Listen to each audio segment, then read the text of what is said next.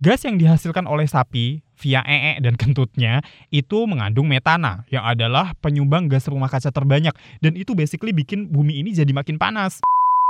97% air yang ada di bumi itu itu air asin, 2 persennya itu terjebak di kutub. Nah yang bisa kita konsumsi itu sisanya yang adalah satu persen doang itu tadi. Gak mungkin banget lah manusia jadi punah hanya karena segelintir orang yang memutuskan gak mau punya anak. Kayak semua coffee shop kekinian deh. Gak ngasih sedotan plastik lagi sih, tapi gelasnya tetap aja plastik, ya elah.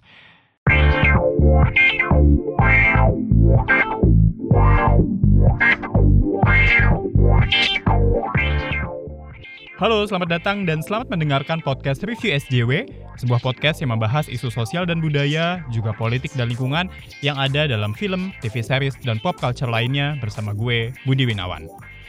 Serial dokumenter yang gue tonton di Netflix tuh lumayan banyak. Salah satunya adalah Explained, yang itu dipecah lagi jadi beberapa semacam serial percabangannya yang fokus di satu tema tertentu. Jadi Explained tuh menceritakan tentang banyak banget hal secara umum, dari mulai misalnya monogami, perbedaan upah antara laki-laki dan perempuan, astrologi, K-pop, dan lain-lain. Nah, serial yang masih istilahnya satu payung tapi berdiri sendiri, itu ada The Mind Explained, soal pikiran, kesehatan mental, dan sebagainya. Terus ada Sex Explained, yang obviously bahas soal seks. Dan yang terbaru ada Coronavirus Explained. Coronavirus Explained ini baru tiga episode, dan update-nya bahkan belum tentu sebulan sekali. Karena ya, gue yakin sih tentu nunggu sampai ada perkembangan yang cukup untuk bisa disampaikan ya. Nah, di episode pertamanya, episode yang menceritakan awal mula pandemi ini, gue mikir, duh pengen jadi vegetarian aja deh atau seenggaknya makin mengurangi makan daging lah. Karena virus ini kan diduga kuat sumbernya dari kelelawar yang dijual di pasar hewan liar slash unik gitu. Terus kelelawarnya itu dikonsumsi sama manusia, dan akhirnya manusianya kena corona. Dari episode itu sih belum bener-bener valid ya bahwa sumber virusnya itu dari kelelawar, tapi para ilmuwan kan sempat meneliti kelelawar yang ternyata di tubuhnya banyak banget berbagai jenis virus nih. Dan ketika coronavirus itu Coba dicocokkan dengan salah satu virus yang ada di kelelawar itu, tingkat kecocokannya ternyata sampai 96%. Dan virus yang ada di kelelawar ini sebenarnya nggak berbahaya buat mereka sendiri. Baru ketika masuk ke tubuh manusia, virus yang ada di kelelawar itu bermutasi jadi lebih mematikan dan proses penularannya cepat. Tapi itu bukan satu-satunya alasan yang bikin gue mikir pengen jadi vegetarian atau ngurangi makan daging secara signifikan ya. Virus-virus lain macam SARS yang dulu juga dikenal sebagai flu burung, terus ada juga flu babi, itu kurang lebih ceritanya juga sama. Ketika masih bersemayam dalam tubuh ayam dan babi, virus-virus ini tuh gak sebegitu berbahayanya amat. Eh lah pas kita makan itu babi dan ayam, virusnya masuk ke tubuh kita, itu virus bermutasi dan melahirkan penyakit baru. Dari serial dokumenter lainnya, dari serial Explained doang yang main seriesnya, terutama di episode The Future of Meat, pernah tuh ada pembahasan tentang gimana konsumsi daging itu tinggi banget. Bahkan kalimat openingnya aja kita dikasih data bahwa manusia membunuh 24 ribu hewan per 10 detik atau setara 25 juta hewan per tahun. Itu semua buat kita makan doang. Nah, untuk memenuhi tanda kutip kebutuhan itu, manusia jadi mendomestikasi hewan. Jadi babi-babi, sapi-sapi, dan ayam-ayam yang dulu sebenarnya liar, dipelihara, terus kemudian diternakin. Kalau peternakan kan hewannya banyak banget ya, mereka disuntik antibiotik dan sebagainya. Tapi jadi susah untuk bisa mendeteksi kalau-kalau ada hewan yang punya virus. Sementara antibiotik itu kan nggak bisa bunuh virus ya. Makanya virus flu burung dan flu babi juga pernah ada sapi gila dan mungkin ada lagi lain-lainnya munculnya dari peternakan. Sekalinya ada yang liar kayak kelelawar yang gak biasanya kita makan, eh lah kok kita makan juga. Selain ketakutan akan adanya outbreak, pandemi, dan sebagainya, yang bikin gue pengen jadi vegetarian atau ngurangi makan daging itu adalah karena produksi daging, termasuk mulai dari peternakan, itu tuh literally merusak lingkungan.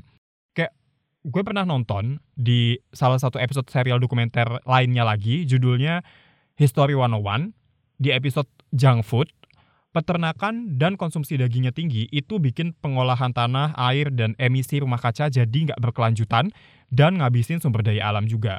Jadi sapi itu kan makan rumput, tanaman, dan lain-lain. Ketika sampai di perut mereka, terus sapinya itu kita makan dagingnya, jumlah nutrisi yang ada di pakan sapi itu udah turun jauh.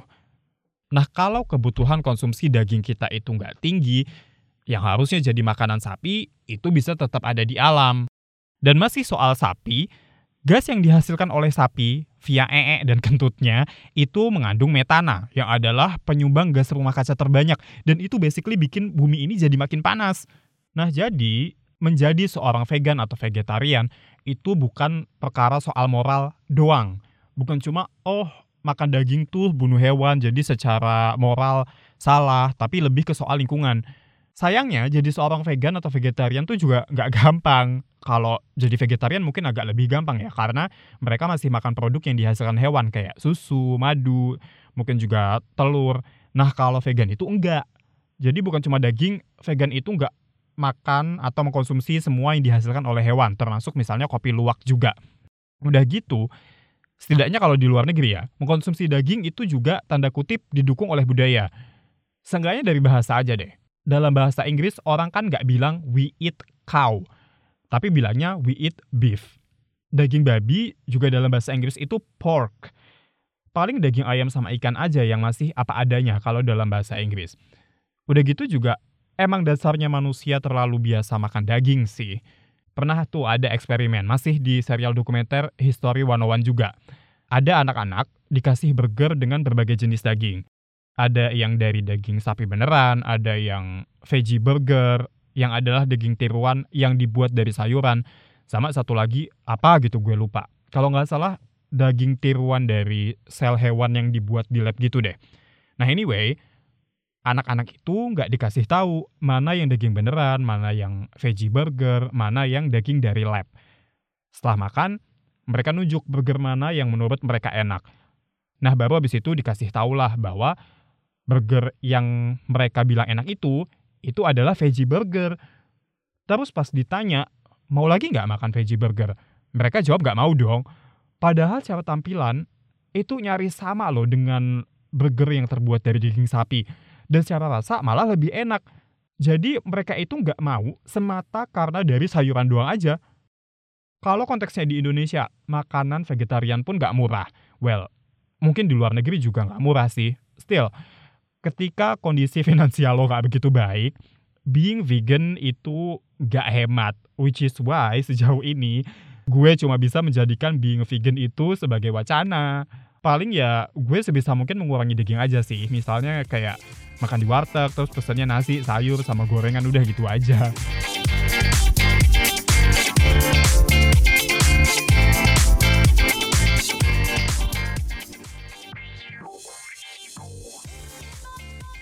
tadi kan gue sempat bahas soal pakan sapi.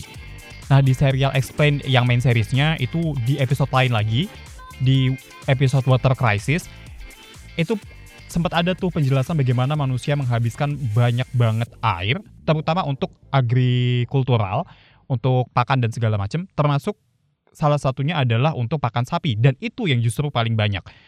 Pakan utama sapi, setidaknya yang di luar negeri ya, itu adalah alfalfa namanya Nah, untuk menumbuhkan 1 kg alfalfa itu aja, itu butuh 510 liter air.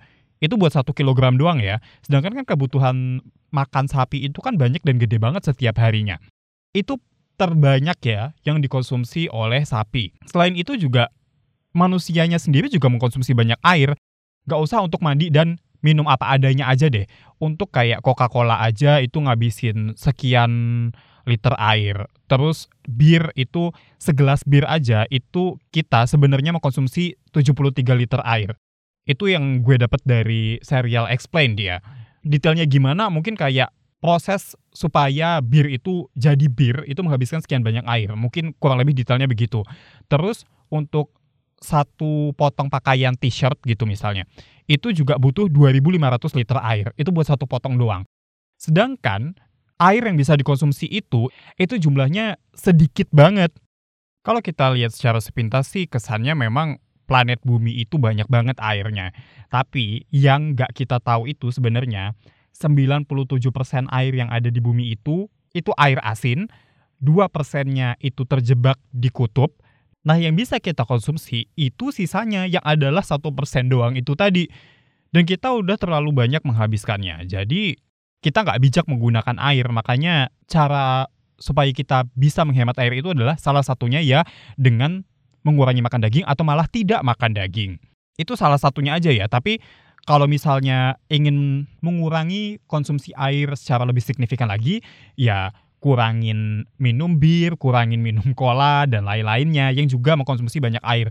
Termasuk, well, mungkin juga mengurangi belanja baju, belanja t-shirt yang itu juga tadi kan gue bilang mengkonsumsi banyak air juga. Terus, selain mengkonsumsi air, manusia itu juga tanda kutip mengkonsumsi ruang. Gue mikir begini setelah nonton serial dokumenter Night on Earth di episode Sleepless City. Di awal episode, si narator bilang bahwa perkotaan adalah tempat paling gak natural di bumi. Terus panjang episode itu dijelaskan gimana manusia merenggut rumah satwa liar. Kayak di daerah selatan Afrika misalnya. Ada perkotaan yang relatif masih baru yang membelah tempat di mana gajah biasanya cari makan. Jadi sekarang, gajah-gajah itu dari hutan malam-malam masuk ke kota untuk menuju hutan di seberangnya di mana mereka biasa makan. Ada juga di Mumbai, salah satu kota paling padat di dunia. Itu bahkan yang masuk ke pemukiman adalah macan tutul. Mereka nggak makan manusia sih, tapi mereka makan babi yang diternak manusia dan anjing peliharaan. Dan yang paling sedih dari episode Sleepless City ini ketika bahas kura-kura yang bertelur di New York karena pantainya rame banget kembang api, jadi waktu itu tuh mereka waktu bertelurnya barengan sama hari kemerdekaan US, mereka memutuskan cari tempat yang lebih sunyi. Plus, di dekat pantai itu pun ada rakun yang bakal makan telur mereka. Jadi mereka masuk ke daerah perkotaan dan bertelur di sana. Itu kalaupun si induk bisa selamat nyimpen telur dan balik ke laut, tapi ketika telurnya menetas dan bayi kura-kuranya lahir, kemungkinan mereka bisa ke laut lagi tuh bakalan kecil banget. Di dokumenter lain pun gue juga melihat bagaimana manusia itu makan tempat bahkan sampai merusak alam. Di serial Our Planet episode Jungle itu dijelasin gimana hutan Kalimantan, kalau di episode itu disebutnya Borneo, itu adalah hutan tropis paling tua di dunia. Tapi dalam 50 tahun terakhir, lebih dari 70 persennya digunduli. Di Filipina bahkan 90 persen yang gundul. Kalau dilihat sekarang kita tahu kan jadinya apa. Ya jadi perkotaan buat tempat tinggal manusia. Itu kalau di Kalimantan ya. Nah, kalau yang di Sumatera, hutan yang gundul banyak dijadiin hutan kelapa sawit. Sama-sama hutan juga sih, tapi jatuhnya beda banget karena hutan sawit itu seragam. Ya udah gitu, satu lahan isinya sawit semua. Udah gitu, hutan sawit itu hasil dari hutan yang dibabat kan. Dan pohon-pohon di hutan yang dibabat itu umurnya tua-tua. Pohon-pohon yang tua itu menghasilkan manfaat yang jauh lebih besar. Belum lagi banyak satwa-satwa yang bergantung dengan pohon-pohon tua yang bukan cuma banyak secara jumlah, tapi juga secara ragam dan jenisnya. Akhirnya, ya udah banyak satwa yang juga terancam punah. Nah, maka dari itulah menurut gue nih, kita nggak seharusnya memandang negatif orang-orang yang nggak mau punya anak – karena manusia udah terlalu banyak makan lahan yang alami dan diperlukan banget supaya bumi ini tetap lestari. I mean, gak apa-apa kalau lo masih pengen punya anak dan menambah penduduk bumi ini. Tapi kalau ada yang gak mau, ya lo jangan ngejudge atau bahkan maksa mereka untuk punya anak kayak lo. Gak mungkin banget lah manusia jadi punah hanya karena segelintir orang yang memutuskan gak mau punya anak. Emang sih, gue setuju sama apa yang pernah seorang kenalan gue bilang. Waktu itu konteksnya tentang sedotan plastik sih. Tapi gue merasa tetap relevan juga buat masalah lingkungan secara umum, bahwa kerusakan lingkungan itu nggak bisa direduksi sebagai masalah individu. Kayak, oh gue mau berperan dalam merawat lingkungan dengan pakai sedotan logam. Padahal ya logam juga merusak lingkungan dengan cara yang berbeda. Itu satu. Kedua, masalah lingkungan itu nggak akan berkurang secara signifikan kalau korporasi nggak stop bikin sedotan plastik atau produk plastik lainnya. Kayak semua coffee shop kekinian deh. Gak ngasih sedotan plastik lagi sih, tapi gelasnya tetap aja plastik, ya elah. Nah, dalam konsumsi daging, itu juga gitu. kalau restoran cepat saji skala besar nggak menjadikan daging sintetis dari tanaman sebagai menu utama, atau setidaknya jadi pilihan alternatif yang pasti ada, susah juga untuk bikin dampak yang signifikan terhadap lingkungan. Dan juga susah kalau misalnya orang yang memutuskan nggak mau punya anak, orang yang nggak pengen menambah manusia lagi di bumi ini, itu cuma satu dua orang doang gitu. Tapi gue juga mikir bahwa kan kita sulit ya, atau bahkan hampir nggak bisa ngatur sesuatu di luar diri kita. Apalagi ngatur korporasi besar, atau ngatur institusi besar. Jadi ya kita harus mulai dari diri sendiri, yaitu kurangi makan daging secara besar-besaran atau jadi vegan sekalian, dan jangan nambah lagi penduduk di muka bumi ini. Kalaupun lo tetap mau, setidaknya biarkan mereka yang vegan dan atau gak mau punya anak untuk hidup dalam damai.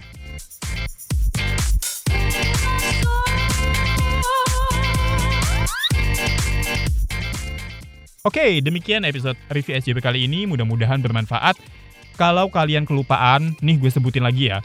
Serial-serial yang gue bahas di episode ini adalah Explained, Coronavirus Explained, History 101, sama Our Planet. Semuanya ada di platform tontonan kesayangan kita semua, Netflix. Dan episode spesifiknya itu apa, bisa kalian lihat di deskripsi episode ini. Terima kasih udah dengerin. Kalau kalian suka, jangan lupa share episode ini di media sosial kalian dan kalau belum follow, follow akun media sosial Review SJW, ada di Twitter at review underscore SJW, ada juga di Instagram at review SJW. Gue Budi pamit, sampai jumpa di episode-episode yang selanjutnya. Bye-bye!